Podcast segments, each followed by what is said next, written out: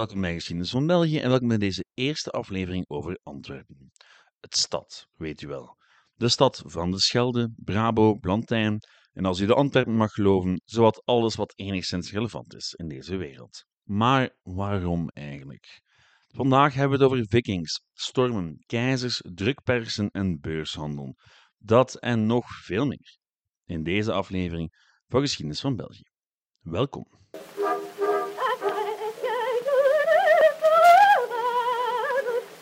Antwerpen. Volgens velen, en dan vooral de Antwerpenaren zelf, de belangrijkste stad van Vlaanderen. Maar waarom eigenlijk? Wat maakt van Antwerpen stad en van de rest parking? Dat gaan we in dit reeksje uitzoeken. Beginnen doen we bij het ontstaan van de stad en eindigen doen we hopelijk in de 20e eeuw. En daarbij gaan we regelmatig in herhaling van. Want Antwerpen speelde al een belangrijke rol in een heleboel afleveringen de beeldenstorm, de opstand, de Belgische revolutie en nog veel meer. Maar dat Antwerpen al een hele tijd belangrijk is, legt niet uit waarom. Waarom heeft Antwerpen de status die ze heeft? En is die nog wel terecht? Of had Antwerpen, net als Brugge in der tijd, één grote bloeiperiode waar ze vandaag de dag nog steeds op teert? Wel, kort samengevat, nee. Antwerpen is nog steeds de belangrijkste stad van Vlaanderen. Als je Brussel niet meerekent, maar dat is een discussie voor een andere keer. Het boeiende aan Antwerpen is dat het, wat Belgische steden betreft in elk geval, een relatief late bloei kende. Brugge, Gent, Yper, Luik, Dendermonde en anderen traden vroeger op het voorplan dan Antwerpen. En relatief gezien duurde die eerste Antwerpse bloei ook niet bijster lang. Met het einde van die bloei eindigde eigenlijk ook de lange middeleeuwse en vroegmoderne bloeiperiode van de zuidelijke lage landen. Maar binnen die lage landen bleef Antwerpen eeuwenlang een van de belangrijkste steden. Tot op de dag van vandaag eigenlijk. Wat is het grote verschil met Brugge en in mindere mate Gent, die beiden een grote dip kenden? Goed, dat Antwerps verhaal krijgt u in de komende drie afleveringen. Genoeg geleuterd nu, aan de slag. Ons verhaal beginnen we deze week aan de Schelde. Want ja, ook Antwerpen is een van die Belgische steden die je makkelijk kan linken aan een rivier. En Antwerpen past ook op andere manieren binnen het typische plaatsje van de historische Belgische stad. Zo was er tijdens de Romeinse tijd al een Gallo-Romeinse nederzetting in de buurt van de Schelde. Waarschijnlijk een mix tussen een handelsnederzetting en een garnizoenstad.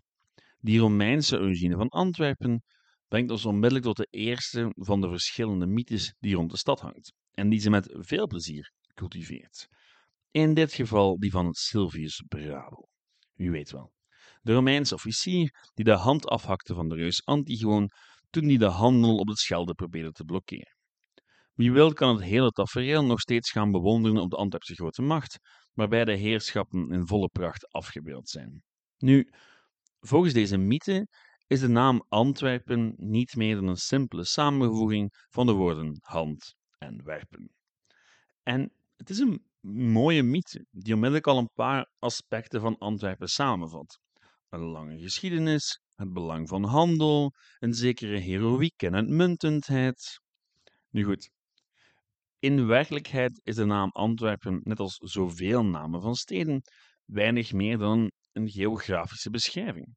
In dit geval aangeworpen gronden, anda verpa in het Oud-Germaans.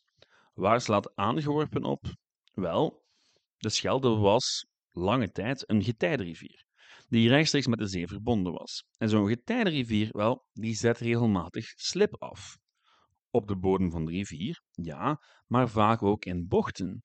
En ehm, drie keer raden waar de Romeinse nederzetting oorspronkelijk lag. Een bocht in de Schelde. Jawel.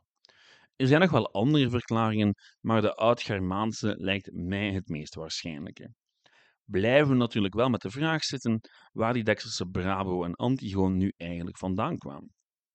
Hoogstwaarschijnlijk had de mythe veel te maken met walvissenbotten, die verkeerlijk voor de botten van een reus genomen werden. Er is in de 13e eeuw werd het verhaal voor het eerst naar voren geschoven en het werd al snel omarmd door de bevolking. Al in de 16e eeuw prijkt er al een standbeeld van Brabo voor de kathedraal. Antwerpen was toen al een stad die het belang van stadsmarketing en opgeklopt zelfvertrouwen begreep.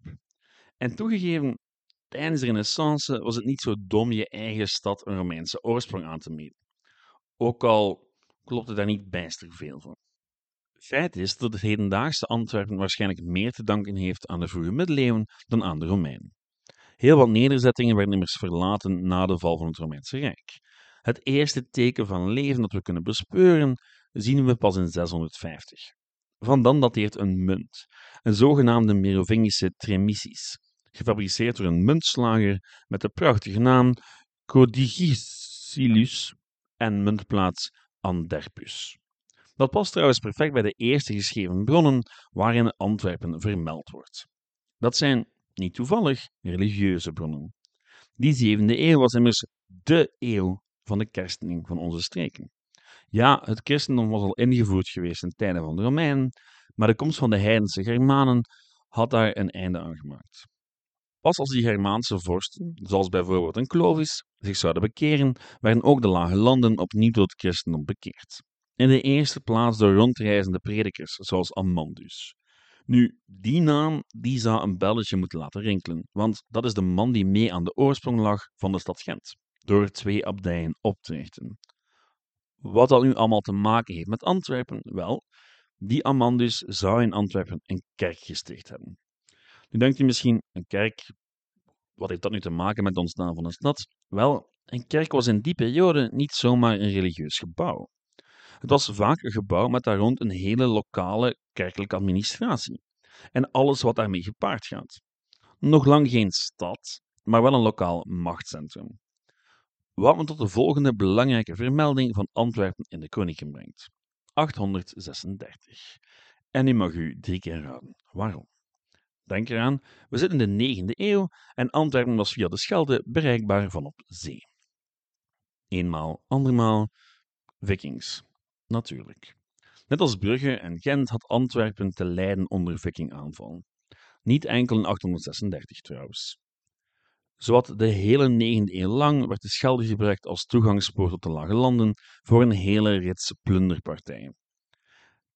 Tegen het einde van de 9e eeuw was de storm wat gaan liggen en kon Antwerpen zich verder ontwikkelen als stad. Want er bestaan theorieën dat Antwerpen tijdens die 9e eeuw functioneerde als een uitvalsbasis voor vikingen. Dat ze zelfs onder de controle was van die vikingen en dat pas later de Duitse keizers de stad echt weer konden controleren. En ze konden gaan gebruiken als handelscentrum en niet als ja, een soort van rovershaven. Nu goed, hoe moeten we dan naar dat vroeg-middeleeuwse Antwerpen kijken? Wel, in vergelijking met Gent of Luik was het helemaal niet zo een belangrijke stad. Wel een regionaal handelscentrum met houten huizen, omringd door een aarden wal die aansloot op de Schelde. Op de rechteroever van de Schelde, trouwens, wat ik nog niet vermeld had. Een relevant detail, want de Schelde vormde lang een van de belangrijkste grenzen in onze streken. De grens tussen Oost- en West-Frankië. Beide overblijfselen van het grote Carolingische Rijk. Het eerste, Oost-Frankië, zou uitgroeien tot het Heilige Roomse Rijk, het andere tot het Koninkrijk Frankrijk. En die onderverdeling die zou zeer grote gevolgen hebben voor de ontwikkeling van de lage landen. Ik plan nog een reeks over de geschiedenis van onze streken tijdens de vroege middeleeuwen, want in onze schoolboekjes wordt meestal amper gerept over Merovingers, Karolingers en consorten. En die zijn wel degelijk relevant. Neem nu Antwerpen. Waarom duurt het tot de 15e en vooral de 16e eeuw eer Antwerpen echt begon te bloeien? De Schelde lag er al, net als de handelsnederzetting. Toch had Antwerpen in 1400 slechts zo'n 18.000 inwoners. Op haar absolute hoogtepunt in 1560 waren dat er 100.000. Over wat er concreet gebeurde hebben we het later nog, maar een van de belangrijkste oorzaken is dat de eenmaking van de lage landen Antwerpen alleen maar ten goede kwam. Eén heerser die en de ingang van de Schelde beheerst en Antwerpen, dat kwam de stad zeer goed uit. Anders was het risico van blokkades, belastingen en oorlog veel te groot. Onthoud dat vooral voor later. Nu, terug naar de 10e eeuw. In die 10e eeuw was er een oprechte poging om van het Heilige Roomse Rijk een eengemaakte centrale staat te maken en geen losse verzameling van staatjes. Dat gebeurde onder leiding van Otto I en zijn opvolgers, de zogenaamde Ottoonse dynastie. Nu, onder de Ottonen was Antwerpen een markgraafschap, een soortement provincie dus. Na de dood van Otto III echter, in 1002, begon dat Duitse keizerrijk uiteen te vallen in een heleboel rijkjes, die enkel in theorie nog gehoorzaamden aan de keizer. Wat niet wil zeggen dat die periode niet belangrijk was voor de stad. Het was tijdens de 10e eeuw dat Antwerpen een versterkte burg kreeg, inclusief stenen omwalling. Het enige restant van die burg vandaag is het steen, maar dat is een ander verhaal. Na heel wat gedoe zou Antwerpen uiteindelijk in de handen van de hertog van Brabant belanden. De belangrijkste stad in het hertogdom was echter lang niet Antwerpen, maar Leuven, Brussel of Breda. Antwerpen kreeg in 1221 zijn stadsrechten, een eerste teken dat haar belang ook herkend werd door de hertog. Nu, de eerste echte bloeiperiode viel niet toevallig samen met de start van de Ons Lieve Vrouw-kathedraal. De bouw wordt aangevat in 1352 en zal afgewerkt worden in 1521. En dan nog waren de plannen niet volledig afgewerkt. Feit is dat Antwerpen pas in de late middeleeuwen echt tot bloei kwam. Op zich niet zo vreemd, want de bloei van de Brabantse steden kwam wat later dan die van de Vlaamse. Maar dan nog was Antwerpen lang het kleinere broertje van Brussel en Co. De stad was dan wel bereikbaar via de Schelde, maar ja, zo bereikbaar was ze nu ook weer niet. Zeker niet voor grotere schepen. Het waren vaak kleine riviertjes die op elkaar inspelen en die ook niet hetzelfde bleven door de tijd heen. Dus ja, net als in de geschiedenis van Brugge speelde in de geschiedenis van Antwerpen ecologie een veel grotere rol dan je zou denken. Waar stormen ervoor zorgden dat Brugge een rechtstreekse verbinding kreeg met de zee via het Zwin, gebeurde voor Antwerpen exact hetzelfde met de Westerschelde. Oorspronkelijk was die Westerschelde een riviertje, genaamd de Honte, maar door al die stormen werd ze uitgediept tot een waterweg waar zelfs zware vrachtschepen op konden verzwaren.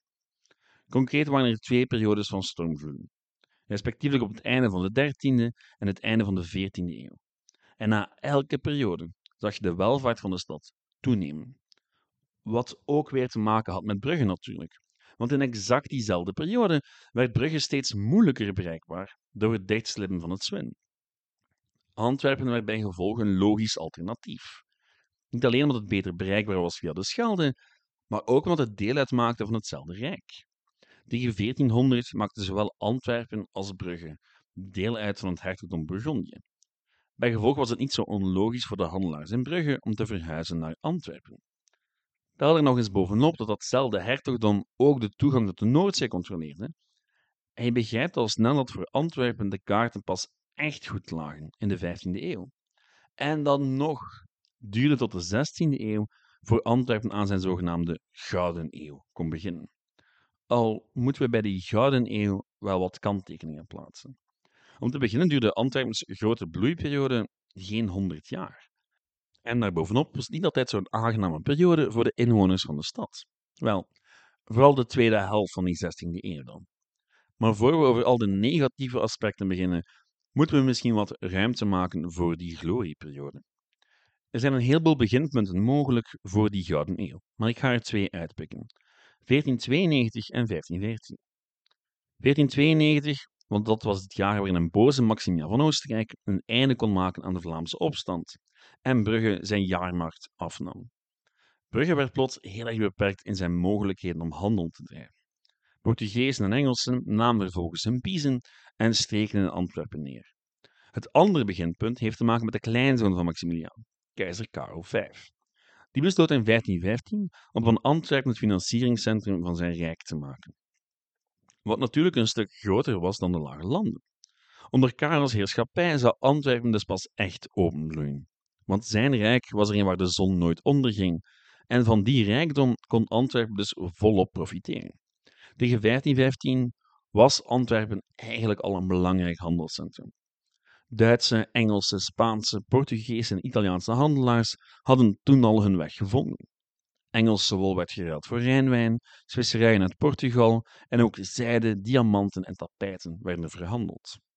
En net zoals eerder in Brugge leidde al die handel in goederen ook tot handel in kredieten. In Antwerpen werd daar in 1531 een speciaal gebouw voor neergezet, de Handelsbeurs. Een neogotische versie van het gebouw staat nog altijd aan de meer. Het Antwerpse concept beurs zou navolging krijgen in Londen en Amsterdam. Nu, met al die handel en rijkdom groeide Antwerpen in de 16e eeuw uit tot een ware metropool. Waar intellectueel Europa regelmatig neersteeg. Een van de belangrijkste redenen daarvoor was de printindustrie. Christophe Plantijn vestigde zich in 1549 in Antwerpen, net als een heleboel andere drukkers. Ze werkten voor Jan en Alleman en produceerden van alles.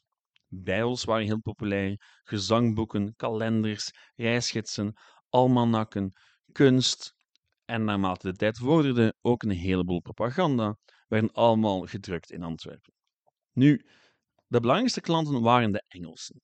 Zo belangrijk zelfs dat drukkers uit de lage landen een grote impact hebben gehad op de Engelse spelling. Die drukkers hadden trouwens ook veel te maken met het succes van schilders als Breugel en met Sijs. Voor het eerst kon dankzij de printpers kunst op grote schaal verspreid worden.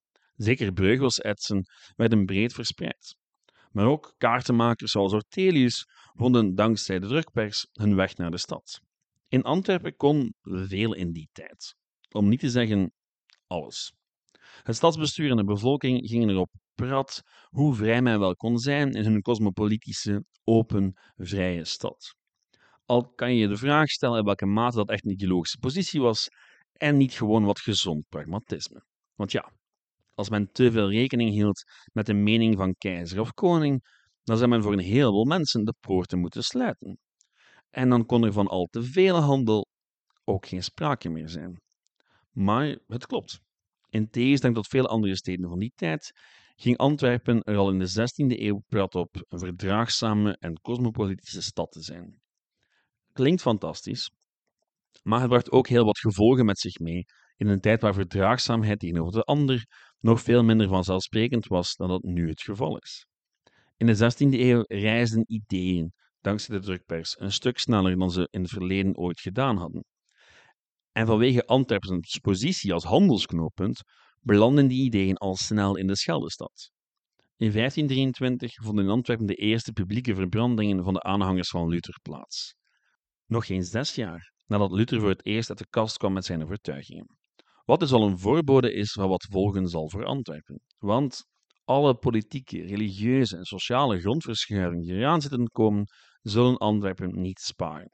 Integendeel, ze zullen het einde betekenen van de Gouden Eeuw. Maar dat is een verhaal voor volgende week. Bedankt voor het luisteren. Reageren kan via e-mail geschiedenisvan.outlook.be, de website geschiedenisvan.be of Facebook op de pagina Geschiedenis van België. Ik hecht altijd zeer veel waarde aan jullie mails en berichten en ze maken het absoluut de moeite waard om dit nog te blijven doen. Goed, tot volgende week. Ciao!